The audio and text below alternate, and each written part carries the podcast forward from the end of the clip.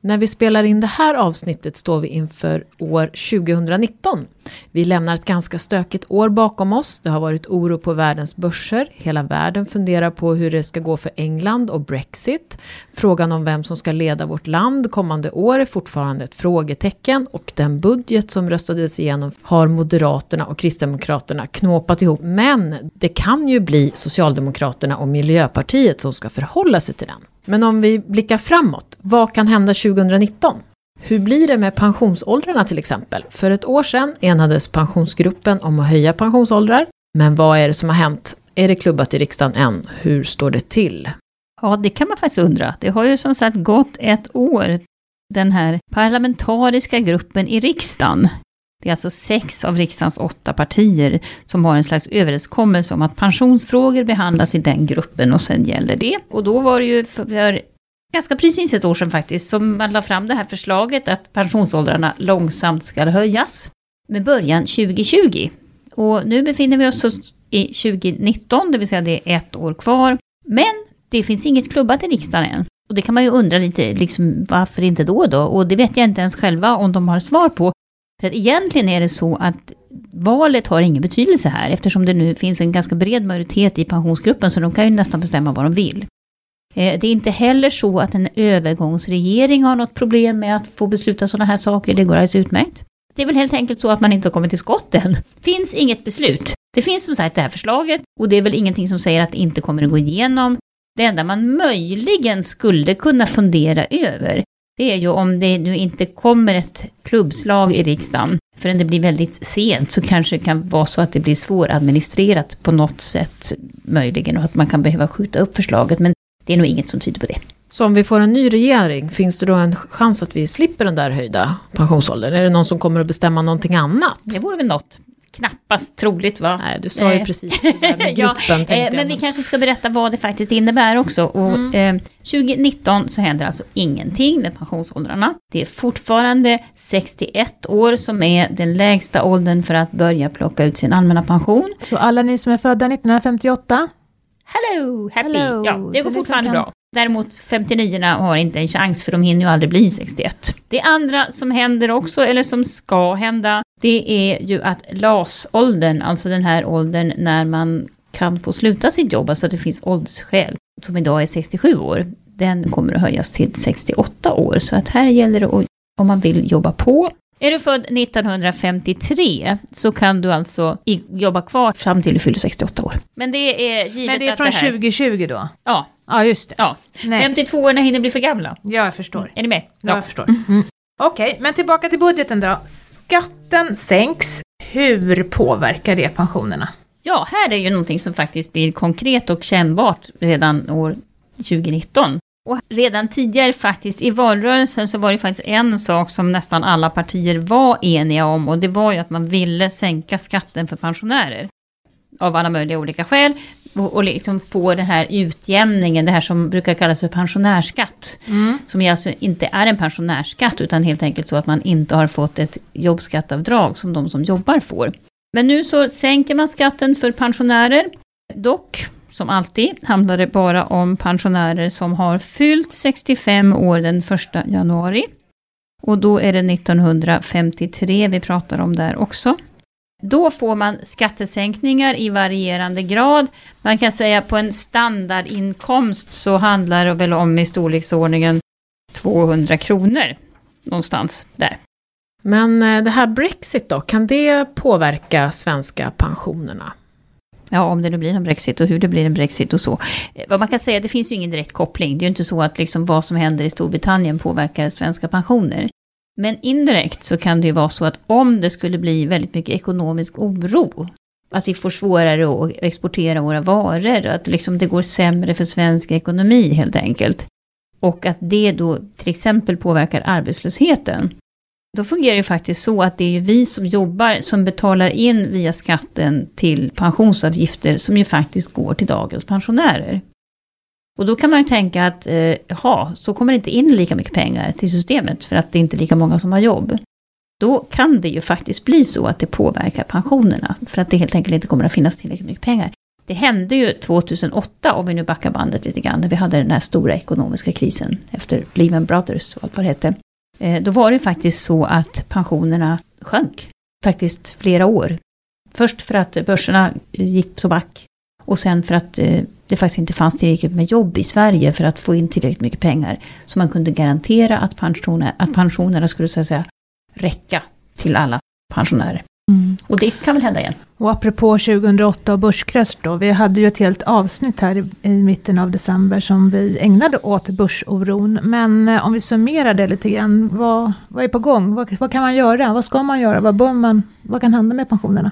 Ja, man kan säga så här, att är det så att man har ganska låg pension, eller kommer att få ganska låg pension, till exempel har en stor del av sin pension som garantipension, alltså ett statligt stöd då som man får, eh, då berörs ju inte det alls. Då kan man hålla för öronen. För det styrs ju av prisbasbelopp och in, alltså inflationsförväntningar och allt, Man får de pengar man ska berättiga till.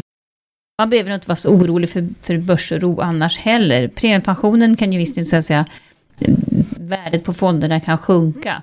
Men är det så att man har väldigt nära till pension så kan man känna sig lite trygg med att det inte är så stora belopp det rör sig om. För man har helt enkelt inte hunnit få ihop tillräckligt mycket pengar.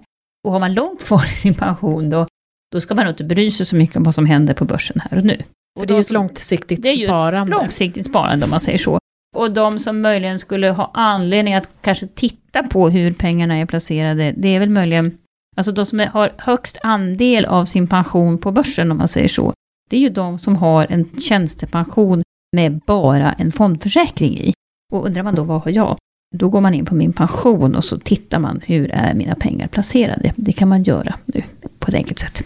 Och vill du ta reda på hur det ser ut för dig, om du kan påverka pensionen eller inte, och hur mycket du kan påverka, så gör du det på Min pension, precis som Kristina sa. Det gör du under fliken intjänad pension. Och när du kommer till den fliken så finns det fyra boxar, och under den första så kan du se exakt hur mycket pengar som du kan själv förvalta över och hur mycket som är låst i annat. Finns det något annat som kan påverka? Nytt eh, inkomstbasbelopp? Ja, nya inkomstbas. Jo, det är ju faktiskt så att varje år så räknar man ju upp värden. Det är här som man brukar prata om inkomstbasbelopp och prisbasbelopp och basbelopp som, som term. Är, eh, på något sätt att man indexerar upp ekonomin lite grann och alla stödformer och annat som följer med. Statliga utbetalningar och annat. Och eh, det som man är berörd av som pensionär Garantipensionärerna är ju berörda av det som kallas för prisbasbeloppet, alltså någon slags inflationsuppräkning. Prisbasbeloppet stiger med ungefär en tusenlapp nästa år och pensionärerna får väl kanske någon hundralapp ökning av sin pension, alltså för att hänga med inflationen helt enkelt.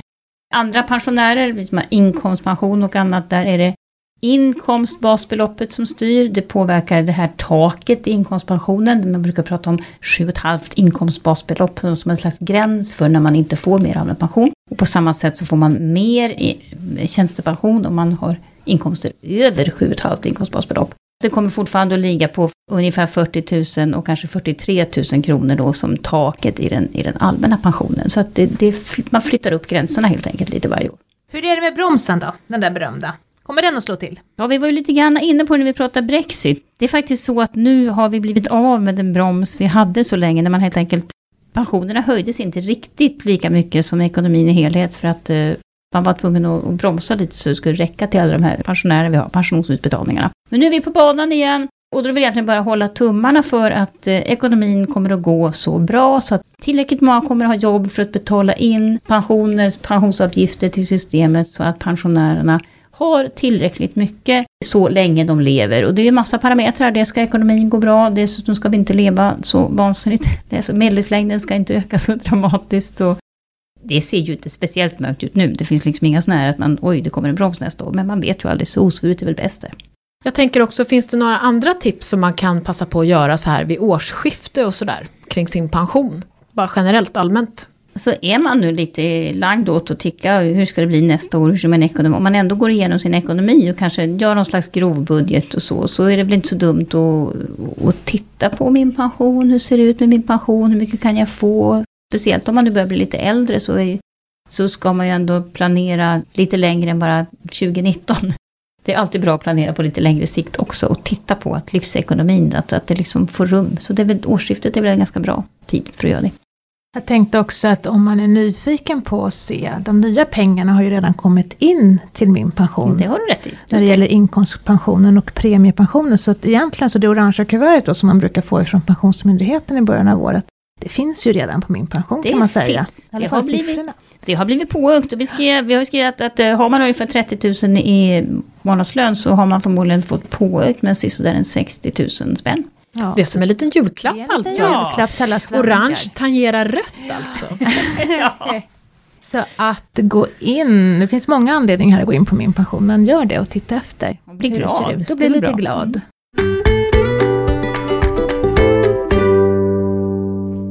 Och så har vi en veckans fråga. Vi har fått en fråga från en man som undrar om han kan mista sin pension om han missar att begära uttag av den. Och visst är det så att det är olika regler här mellan allmän pension och tjänstepension. Hur funkar det här? Det man skulle rent teoretiskt kunna missa, det är ju den allmänna pensionen faktiskt. Den, alltså den som finns i det orangea kuvertet. Den måste man alltid ansöka om. Det, och då finns ju den lägsta åldern 61 fortfarande, men det finns ju liksom ingen högsta ålder. Det finns egentligen ingen pensionsålder för allmän pension, den är flexibel. Och därför finns det heller inget datum när pengarna betalas ut.